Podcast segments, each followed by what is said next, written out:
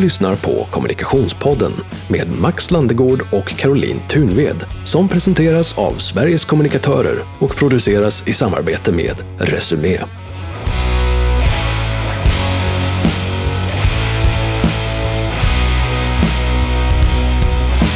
Varmt välkommen till Kommunikationspodden med Max Landegård och Caroline Tunved.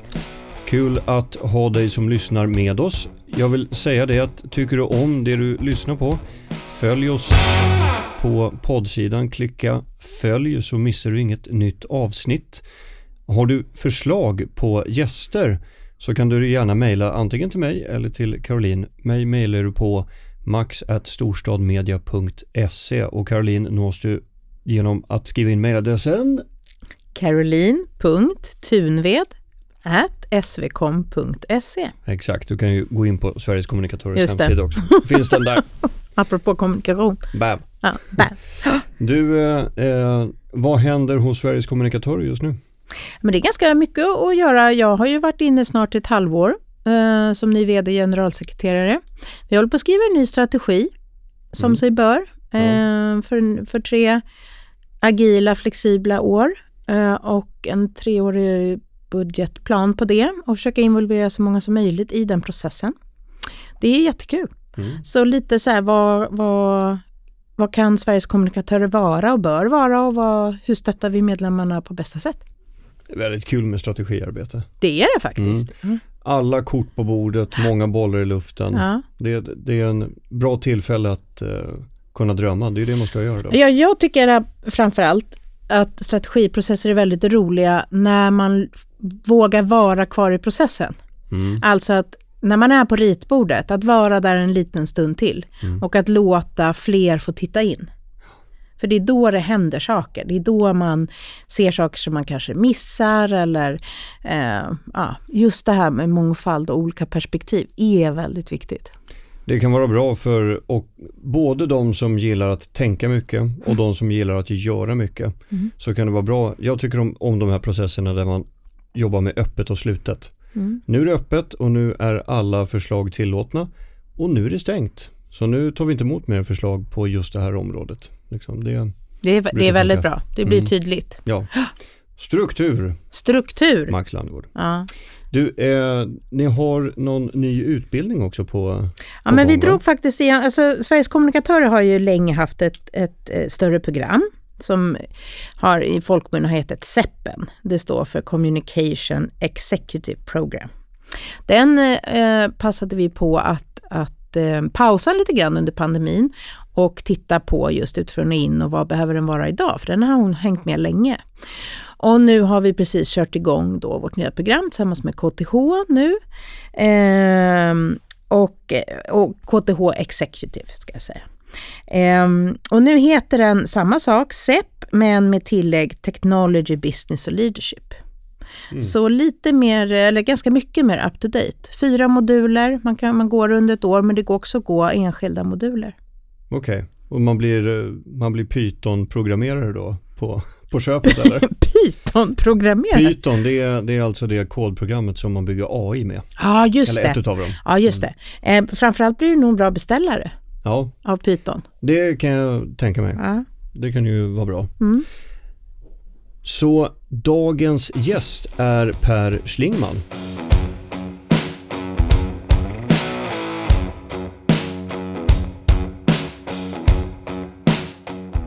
Per Schlingman, författare och entreprenör. Välkommen till Kommunikationspodden. Tack så mycket. Kul att ha dig här. Mm. Eh, vi kommer att prata om eh, din senaste bok också som du har skrivit tillsammans med Kjell och Nordström, Momentum. Men eftersom vi precis har lämnat eh, en nagelbitare till val så tänkte ju vi att vi skulle, eller hur, ställa lite frågor om, om det också. Absolut. Hur, eh, hur ska man tänka? Alltså, kommunikationen efter en valrörelse.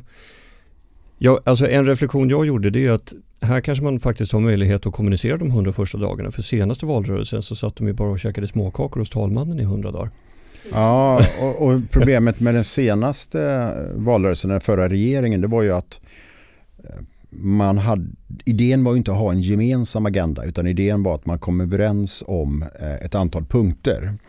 Eh, och det blev liksom ingen kommunikativ helhet. Eh, det fanns aldrig någon kommunikation av vart vi skulle gemensamt utan alla partier kunde definiera sig själv som segrare, också kommunikativt. Eh, men det som saknades då var ju den här gemensamma berättelsen. Och jag skulle säga att lite grann är vi väl, riskerar vi att hamna också i det läget just nu. Där det är inte så att de här fyra partierna som är, ingår i regeringsunderlaget drivs av en lust att göra det här gemensamt. Utan det är lite grann några har ett lustfyllt förhållande till varandra och eh, ett parti är med så att säga för att det är illa tvunget. Men jag tror att eh, eh, de kommunikativa kraven och utmaningarna på kommande regering kommer vara enorma. Mm. På vilket sätt då? Vill du utveckla? Nej, men vi har ju haft en valrörelse som har i sin karaktär varit väldigt kortsiktig. Den har handlat om hur vi på kort sikt ska dämpa eh, volymernas omfattning på elräkningarna. Eh, hur vi på kort sikt ska försöka göra någonting åt eh, inflationen. Eh, så det har ju varit relativt kortsiktigt så. Det som en tillträdande regering gör det är att de tänker ju mycket längre sikt. När vi, när vi förhåller oss till den nya regeringen så tänker vi på valrörelsen men den nya regeringen tänker på de kommande fyra åren. Så att jag tror att det kommer vara flera steg som är kommunikativt krävande. Det första handlar ju om när nu man presenterar en ny regering så kommer man ju presentera också en regeringsförklaring och sannolikt en politisk överenskommelse. Då måste alla fyra partier uppfattas som vinnare. Mm. Och särskilt ska jag säga spänningsfältet Liberalerna SD. Och mediebilden blir att allting gynnar Liberalerna så kommer SD eh, gå bananas och mm. tvärtom. Det andra skulle jag säga det är ju att när, vi nu, när regeringen sen börjar jobba så kommer ju i alla fall första halvan av mandatperioden präglas av att hantera väldigt tuffa frågor. Svenska NATO-inträdet, eh, få ordning på eh, energipriserna, dämpa det, få till en mer långsiktig energipolitik och så vidare. Och jag tror också sett ifrån hur vi jobbade i finanskrisen 2008 mm. att det är otroligt viktigt att hela tiden kommunikativt påpeka att krisen kommer utifrån, vi hanterar den. Så att inte eh, väljarna börjar uppleva att det här är hemmagjorda problem. Och jag kommer ihåg eh, 2008, så här, vi brukar skämta ganska mycket, och jämförde Sverige med Frankrike. Den svenska regeringen var ju väldigt framgångsrik eh, och väljarna uppfattade att det här är en kris som började med Lehman Brothers. Vi hanterar konsekvenserna. Men vi brukar skämta om Frankrike, den franske presidenten som säger att jag är fransk president, jag är Frankrike. Och det är klart att om man är Frankrike, då är man ju också alla problem. Så man hade väsentligt svårare där kommunikativt att sortera problemen och väljarna straffade mycket mer den sittande nationella regeringen. Mm. Men um, um, apropå det här med att lägga upp strategi och liksom det, det, det kommunikativa. Om man är just kommunikationschef för partier. Jag tänker att många är så nyfikna på hur man, för vi har ju pratat lite om det i tidigare avsnitt, hur man lägger upp arbetet. Liksom. Och då är det väl ganska tydligt att det ändå finns någon slags strategi fram till valet.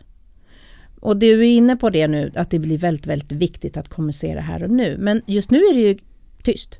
Mm. Upplever jag i alla fall, förutom att vi går och väntar på att, att eh, ett svar på vilka mm. blir det som ska leda och hur ska vi och göra. Det är helt rätt att det är tyst. Nu förs ju samtal mellan partier, det är väldigt förtroendefullt. Mm. Så det var precis, det var ju, mm. du svarade nästan, för det var mm. min fråga. Är strategin att det ska vara tyst? Ja, definitivt. Mm. Eh, och att, att det är tyst är snarare ett styrkebesked. Eh, så fort om det skulle börja läcka ut från förhandlingar då kommer ju själva mediespelet bli en del av förhandlingarna. Utan här måste man på ett väldigt strukturerat sätt, eh, det sker förhandlingar på massa olika nivåer där man försöker lösa ut frågor förtroendefullt. Så det tycker jag är en väldig styrka, att än så länge i alla fall, att, att det sker utan läckor. Men jag tänker sen också att den andra frågan du var på det är liksom hur tänker partierna inför valrörelser? Och det svåra för partier är ju att man har liksom en egen idé och en egen plan. Mycket av den planen i svensk politik handlar ju om att få debatten att handla om de frågor man vill att det ska handla om. Och gärna då frågor där man själv har högt förtroende. Men så kommer man in i en valrörelse och sen blir man väldigt påverkad av det här dagsaktuella. Eh, då blir ju, så det finns en långsiktig agenda och sen brukar jag tänka och sen vaknar man varje morgon och då är det ett dagligt krig. Och då har man inte råd, upplever man, att inte respondera på sånt som ligger utanför den egna planerade agendan. Så om, om, om debatten helt plötsligt börjar hamna, handla om nya bostäder, då har man inte råd att liksom passa det därför att man haft en annan strategi, vilket ju är korrekt. Mm. Men det handlar hela tiden om att få hem frågorna på sin egen planhalva. Mm. Sen vill jag bara säga att den här valrörelsen vi har haft har ju också avvikit från tidigare valrörelser. Därför att tidigare har det varit så att partierna har jobbat själva och ibland tillsammans i regeringsalternativ och så har man presenterat valmanifest. Mm. Ganska tidigt i valrörelsen har det varit ganska breda överenskommelser, som, eller en bred bild av politikens alla områden. Vad ska man prioritera? Det brukar bygga på att regeringspartierna börjar därför att de definierar då vilket utrymme finns för nya ekonomiska reformer. Och sen har man haft en valrörelse som har handlat lite grann om de här valmanifesten. Mm. Så man har, haft en, man har presenterat politiken tidigt i valrörelsen och sen har man haft kampanj och debatt och diskussion. Ja, men precis. Och Den här valrörelsen var ju helt annorlunda. Nej, det var ju som nej. en popcornmaskin. Ja. Det kom ju nya politiska mm. förslag varenda dag. Mm. Och det var helt, helt omöjligt för de politiskt aktiva mm. att veta vad de egna partierna tycker. Mm. Ja, för det var jag, både jag nationellt och lokalt och liksom. Ja, men så här, ja. helt, de här högkostnadsskydden. Eh, mm. Vem visste vad de olika partierna tyckte? Visste de mm. det själva till slut? Därför att allting handlar om att vinna den dagliga mediala agendan. Så paradoxen här är att på ett sätt så har liksom sociala medier blivit viktigare därför man når människor direkt. Men partiernas valrörelser har ju varit otroligt medialiserade. Mm. Mm.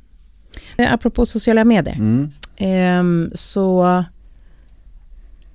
för det nämnde ju Martin Borgs, deras nya, man använder ny teknik och de mm. här eh, eh, personifierade meddelarna som nu har fått lite skit. Eller? Ja, det som har fått skit är väl de här mass-sms. Mm.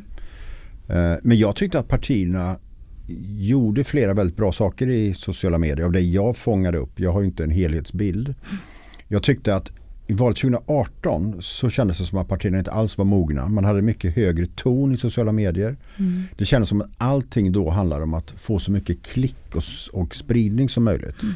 Och det betyder då tyckte jag att man gick upp ju hårdare och tuffare man blev desto mer belönades det med att det delades mer, klickades mer, likades mer.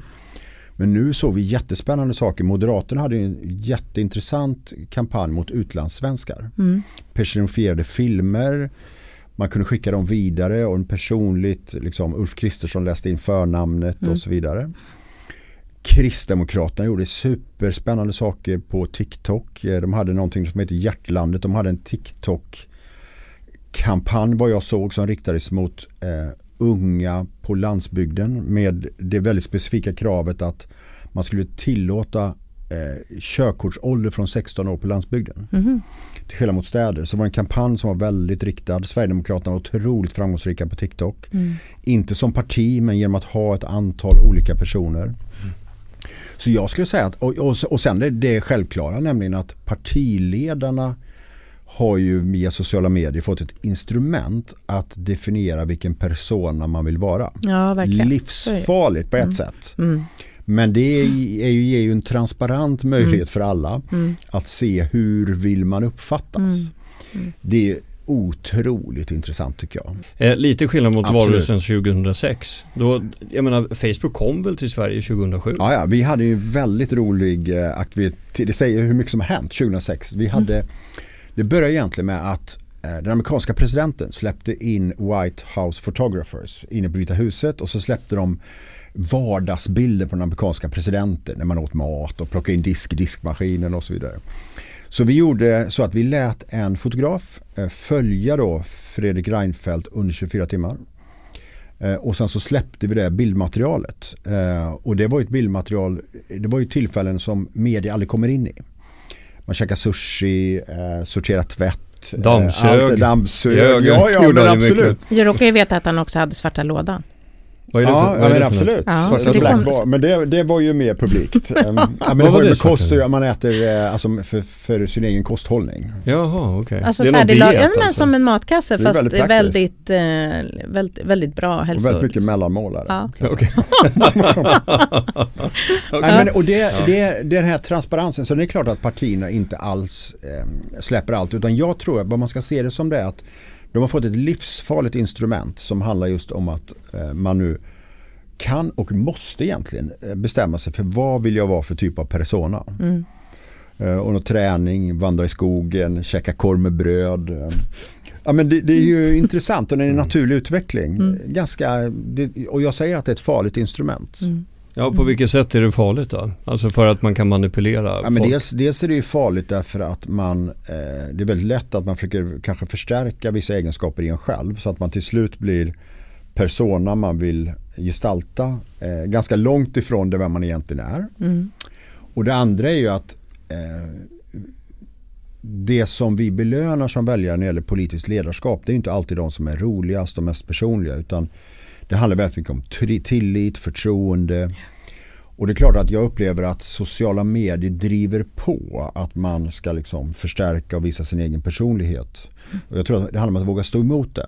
Det är mm. klart att, att om Sverige hamnar i väldigt tuffa tider med kriser och så vidare och sen så har man ett flöde som innebär att man käkar korv med bröd ja, och allting visst. är frid och allting är härligt och kul och mm. grejer och festar. Och, mm. Så att mm, jag skulle nog eh, tänka där att vara väldigt försiktig om man är i alla fall partiledare för något av de större partierna. Men däremot uppmuntra eh, andra att verkligen låta sina personligheter spela igenom. Mm. Mm.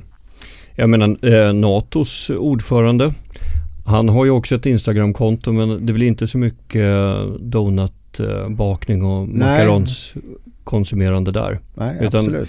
Han är ute på sina delegationsmöten mm. och eh, rapporterar från ja, vad som faktiskt händer i verksamheten. Men han är väldigt aktiv. Ja, ja. men det, och det måste jag säga, Magdalena Anderssons konto eh, och det kanske tror jag man är lite färgad av regeringsmakten men hon var ju mycket mer nedtonad som person. Även om hon gjorde en, grej, en del grejer på TikTok och sådär som var lite mer hon spelar ut sin personlighet. Mm.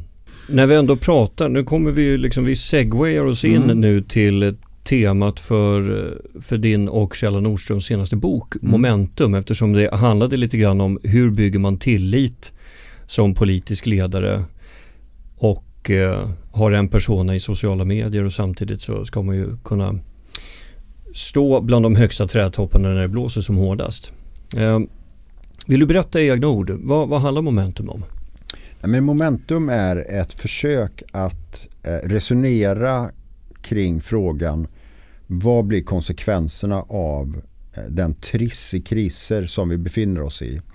Nämligen liksom efterbörden av pandemin, kriget och klimatkrisen. Eh, och vi har ställt oss den frågan både vad händer i stora världen där vi ser väldigt tydligt hur liksom idén om globalisering utmanas och istället så ser vi väldigt tydligt hur eh, vad vi kallar för oligoner växer fram som är mer värderingsburna regioner eh, som präglas kanske av liksom eh, säkerhetspolitiska dimensioner men också handel, internetplattformar och så vidare.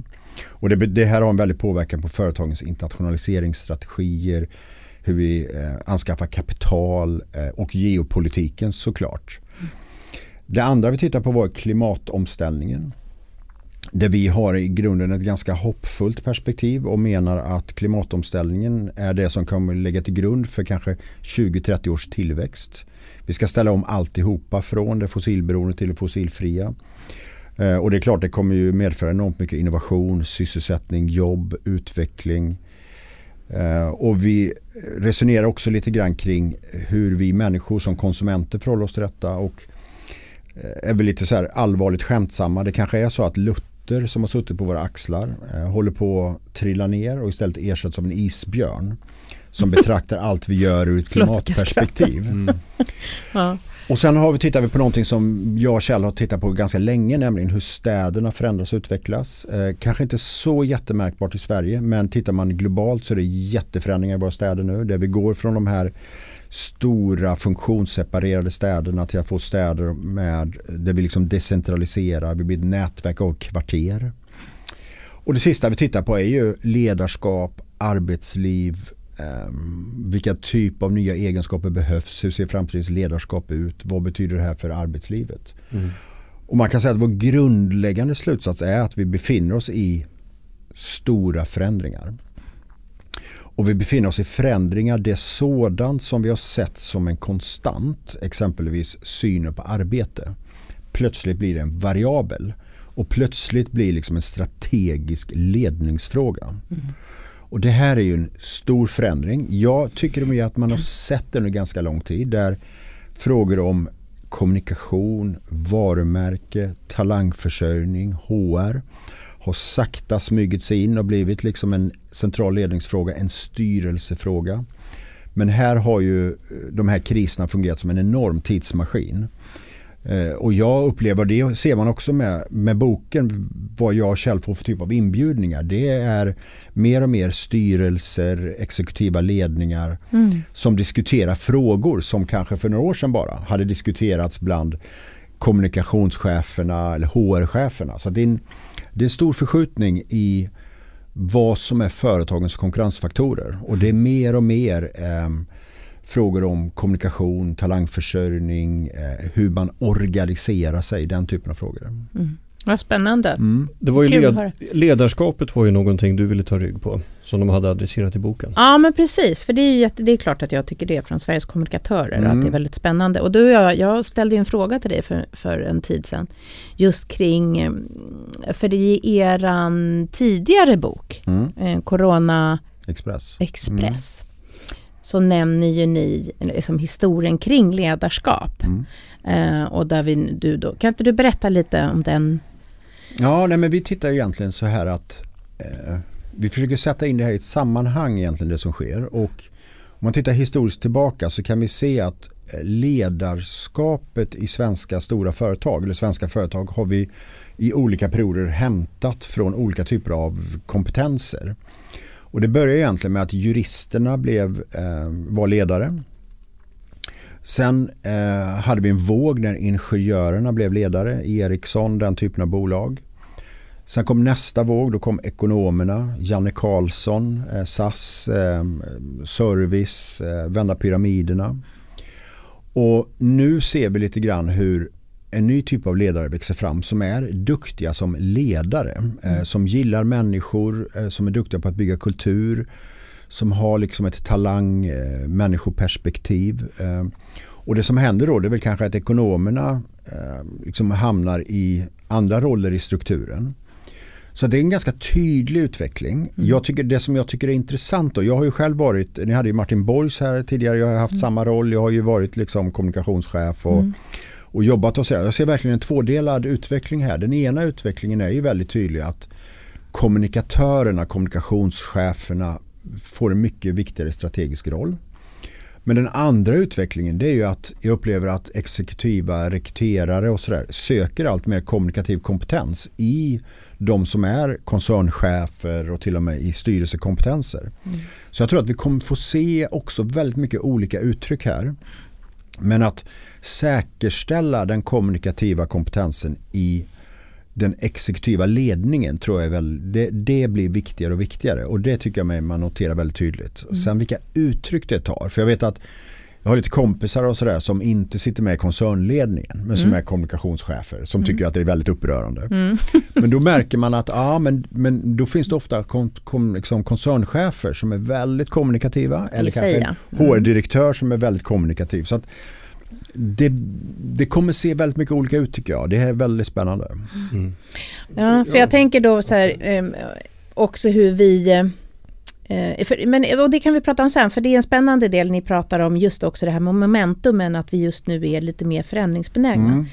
Men jag tänker på att vi ändå är liksom lite så vanedjur. Och då eh, är det just en, en omvärld där vi ser eh, troligtvis en lågkonjunktur eller om vi är där redan. Och om vi tittar då på organisationer och företag så historiskt så har man alltid dragit i handbromsen på eh, kompetensutveckling, man har dragit i handbromsen på kommunikationsinsatser, marknadsinsatser.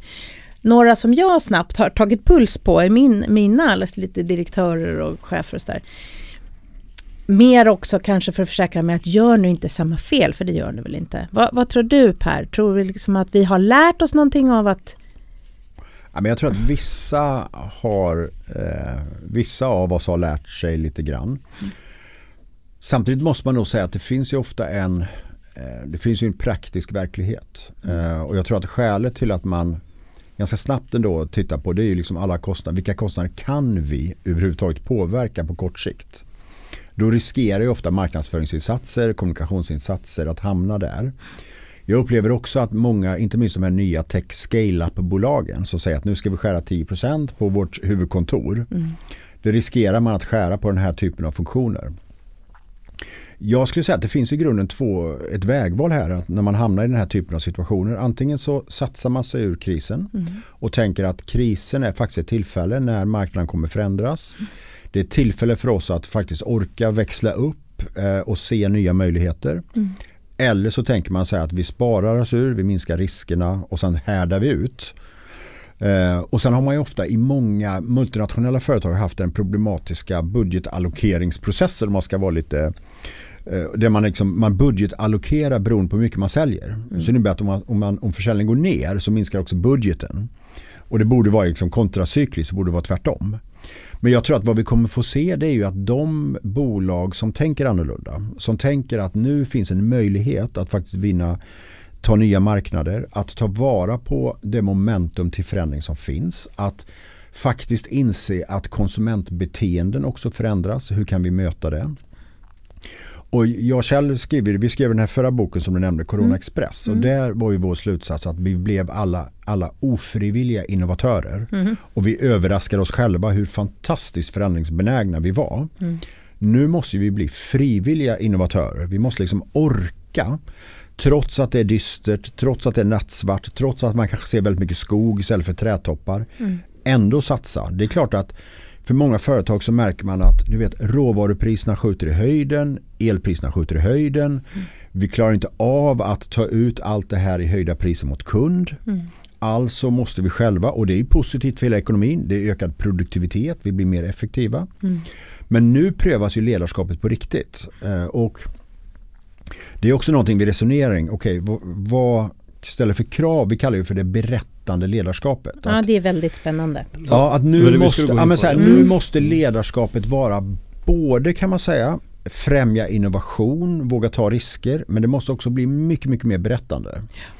Därför att i en mer decentraliserad värld när vi både arbetar internt mer distans och decentraliserat, vi har kundrelationer mer på decentraliserat så måste ju ledarskapet bära berättelsen. Mm.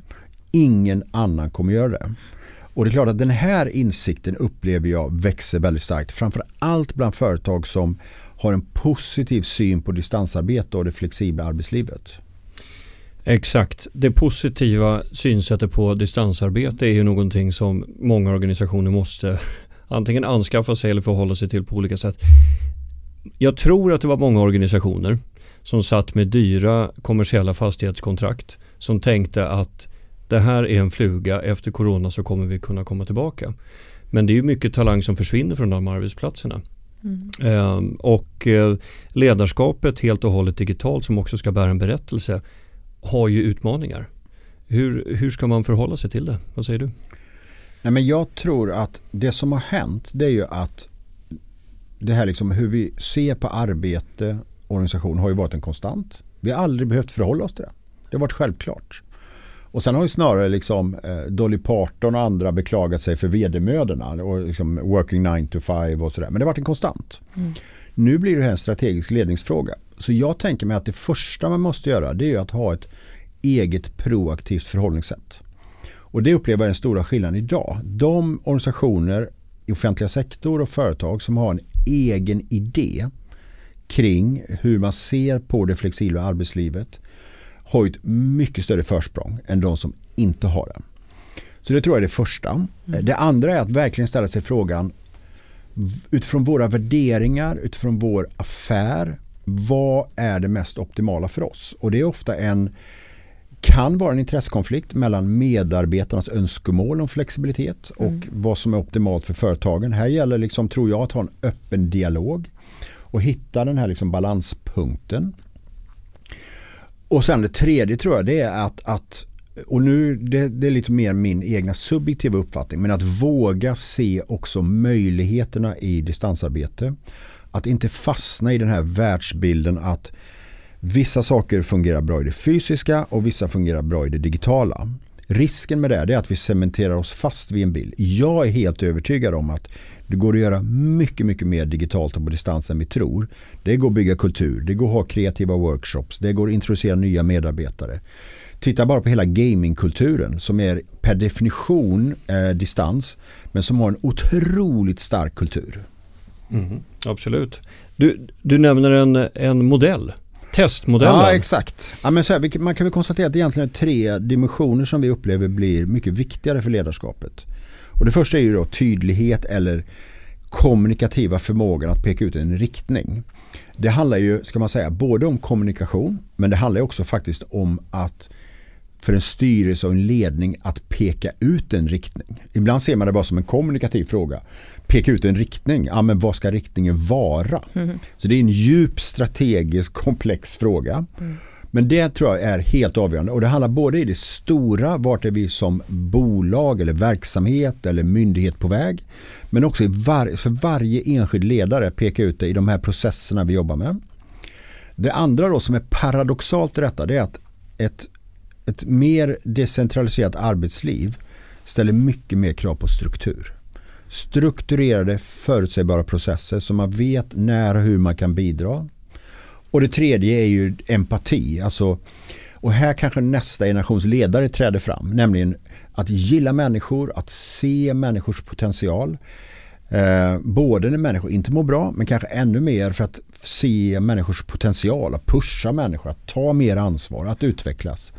Och jag, är det någonting jag själv är lite oroad för så är det det här som växer fram nu, den här bilden av att vill du göra karriär så se till att vara på den fysiska arbetsplatsen.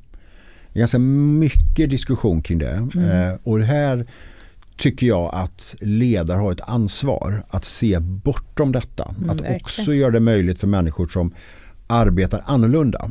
Eh, att se deras kompetens och egenskaper, attityder och förmågor på samma sätt. Mm. Eh, det är två T där, det är tillit också. Mm. Det, det är mitt bästa ord eftersom att det är ett palindrom. Ja, och tillit kan man ju säga att det har ju alltid varit liksom kittet som får relationer och verksamheter att fungera. Mm. Och då kan man ju börja med att konstatera varför har Sverige så goda förutsättningar i det här nya arbetslivet? Jo, därför att vi har väldigt hög tillit. Mm. Vi är ett högtillitssamhälle mellan människor men också människor till liksom, auktoriteter. Eh, jätte, liksom, eh, stor möjlighet.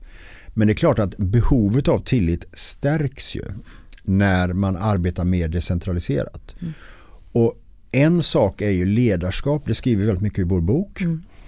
Eh, efter att den släpptes, det är bara några veckor sedan, men så har vi haft ganska mycket diskussioner och dialoger med olika verksamheter och sådär. Och någonting som växer fram det är också att det här leder också till ett nytt medarbetarskap. Vi har ju kallat det för självledarskap. Men jag skulle säga att, att väldigt mycket ansvar hamnar på den enskilde. Tillit är ju en ömsesidigt kontrakt mellan två människor. Ledaren, medarbetaren eller kunden, företag, vad det kan vara. Ja, verkligen. Och jag skulle säga att för att ett verksamhet ska fungera bra decentraliserat så krävs det medarbetare som också tar ansvar som inser att jag har ett eget kommunikativt ansvar. Jag har ett ansvar att söka information, mm. inte bara bli serverad. Så att någonting spännande händer också med själva medarbetarskapet. Mm. Ja, jag hoppas att det spännande liksom ändå upplevs positivt. För, men det kanske har mer med ja, mig. Att vad upplevs positivt? Med alltså att det, att, att det krävs mer av medarbetaren. För om man liksom går bort, bortom ordet det där krävs mm, av medarbetaren. Mm, mm. Så är det ju faktiskt att man släpper fram mm, medarbetare. Ja absolut. Alltså, för jag menar, det, det är väl det där som jag tänker ska gå hand i hand. Mandat mm. och ansvaret. Ja men absolut och då, då är vi återigen inne på ledarskapet. Mm. Nämligen att, att peka ut en riktning, att jobba mycket mer med vad är det vi vill åstadkomma än kanske huret. Mm. Eh, och tillåta medarbetare faktiskt att själv få kreera sina resultat. Mm. Eh, men också inse att jag har ett ansvar. Jag får ett ansvar. Eh, det, det som ju är lite synd just nu kan man säga att i allt det här för att det var så att när vi skrev den här boken så hade vi först tänkt att skriva en uppföljare på Corona Express. Mm. Som mycket mer handlar om egentligen ledarskap, arbetsliv och så vidare. Och det var ju fantastiskt intressant och alla, det kändes som alla stod där laddade. Mm. Nu ska vi utveckla det nya arbetslivet. Mm. Då invaderade eh, Putin Ukraina. Så det är klart att vi, vi gör det här nu parallellt med att vi hanterar eh, stigande inflation, höga räntor, en osäker omvärld. Det är lite synd. Annars så tror jag att vi hade haft ett väldigt fokus på eh, organisationsutveckling, arbetslivets förändring, vad betyder det för framtidens kollektivavtal. Det finns ju massa spännande diskussioner här. Det sker nu lite under ytan. Jag är lite så nyfiken, du, du berättade att, och det är ju jättekul att det är flera ledningar och styrelser, högsta Mm. ledningar som nu eh, tillfrågar er efter ni har släppt boken. Ehm, och då tänker jag på en tillit och empati och så tänker jag på eh, att vara sig själv, alltså autentiskt Mm, ledarskap. Och då absolut. hamnade jag i en diskussion eh, för någon vecka sedan kring om hur många, alltså lite med sorg i ögat, Mm. Alltså hur många autentiska ledare finns det på toppen? Alltså tillåter, vi pratar ju gärna om att det får vara så. Jag är ju en sån där som lätt kan fälla en tår. Mm. Mina år på Rädda Barnen så föll jag, det var ganska många tårar. För det är inte så konstigt, man jobbar med väldigt svåra saker. Eh, men emellanåt så kunde jag liksom gå ut ur ett rum och känna mig svag. Alltså vad som hände i rummet. Mm. Att jag, det var inte okej där och då. Ja, du, du menar att, att du, du inte blev accepterad för att visa sårbarhet? Nej precis, att alltså? jag blev, alltså gruppen, jag kände att gruppen tyckte att jag var svag för att det föll en tår. Mm. Och egentligen, så som jag ser på det, ut, alltså om jag skulle titta på en annan så är det för mig egentligen bara en styrka. Mm. För man visar att man reagerar. Men, men frågeställningen i det här samtalet som vi hade var att vi blev osäkra på hur många vi vill gärna dit och jag skulle jättegärna se det mera, men hur många autentiska ledare släpps egentligen upp i Mm. toppen? Det hänger väl ihop lite också med dels den traditionella mansbilden Mm. men dels också den här bilden av att man ska hitta den stora starka ledaren som ska, vara, som ska prestera på topp i alla de här kategorierna. Jag upplever ju, eller i min värld så är ledarskap mycket mer ett lagarbete. Mm. Och, och jag tror att när man börjar se det så då märker man att, att autenticitet är ju ol, olika för olika människor. Det handlar om vad man bottnar i sig själv, vad man drivs av för egen lust. Eh, Men jag håller helt med att, att det som jag upplever har varit hittills, det har varit en ganska stereotyp syn på vad som är den starka ledaren. Jag kommer ihåg jag skrev en krönika någon gång eh, om att den, de som ligger riktigt illa till nu det är de här äldre högutbildade tvärsäkra männen. Därför att det ligger också en svårighet att reflektera, en öppenhet. För i den här sårbarheten så ligger också en insikt om att jag själv inte har alla svar. Mm. Inte i den här boken men vi skrev en bok för ganska många år sedan som heter Urban Express. Då tittar vi på anonyma alkoholister och vad man kan lära av den metodiken. Och den bygger ju egentligen på första steget är ju att inse att jag själv inte är fullkomlig. Mm. Och där tror jag att, att den här autenticiteten är viktig. Sen så, jag upplever nog ändå tror jag att när jag tittar på duktiga ledare, vi har inte de här ikonerna längre, ska man också komma ihåg. PG Gyllenhammar. Skulle man gå ut på stan så är det väldigt få som kan namnge någon enskild ledare i näringslivet. Det är lite tråkigt tycker jag. Det är jättetråkigt Ja. eh, men det är en total scenförändring. Frågan om, skulle du fråga folk på stan vem som är vd för Volvo, Mm. försvinnande få. Kanske Daniel Ek kanske man möjligtvis vet vem det är. Mm. Ehm, Så att det, det är också liksom en annan tid när Mm. Och det bygger också på att granskningen, priset för offentlighet är väldigt högt idag. Eh, kommunikatörerna, sådana som vi i det här rummet, har fått väldigt mycket mer inflytande vilket liksom professionaliserar. Mm. Jag kommer ihåg jag var krönikör på Dagens Industri och vi hade ganska mycket diskussioner om varför bara, varför lät man alltid vissa personer uttala sig. Typ Sverker Martin Löö på den tiden, Don Olofsson och andra. Då sa han bara så här, men ge mig någon att ringa. Som Äh. bara tar, tar luren och ger ett autentiskt personligt svar. Och inte det här att Nej, men vi hör oss om tre timmar så är det någon pressekreterare Mm. som har skrivit någonting corporate ganska könlöst. Mm.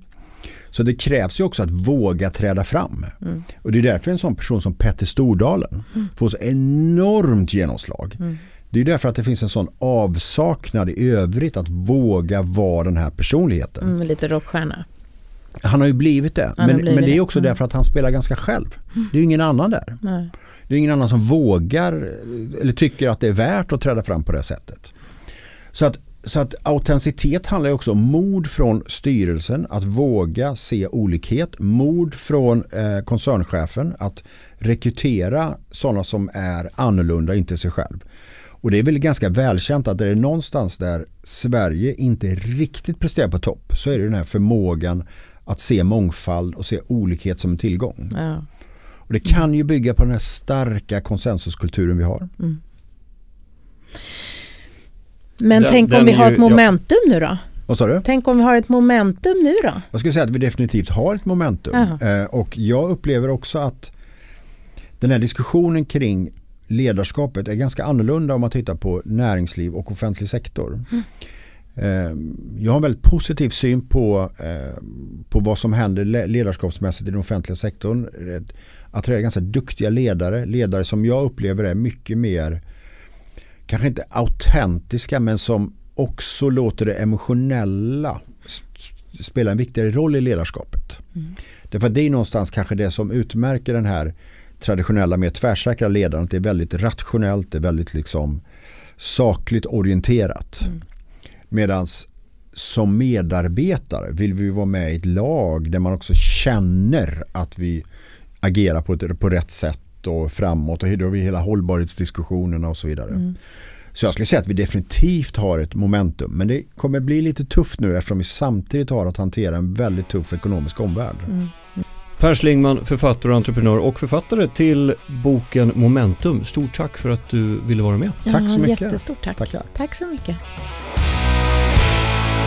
Du har lyssnat på Kommunikationspodden som produceras av Storstad.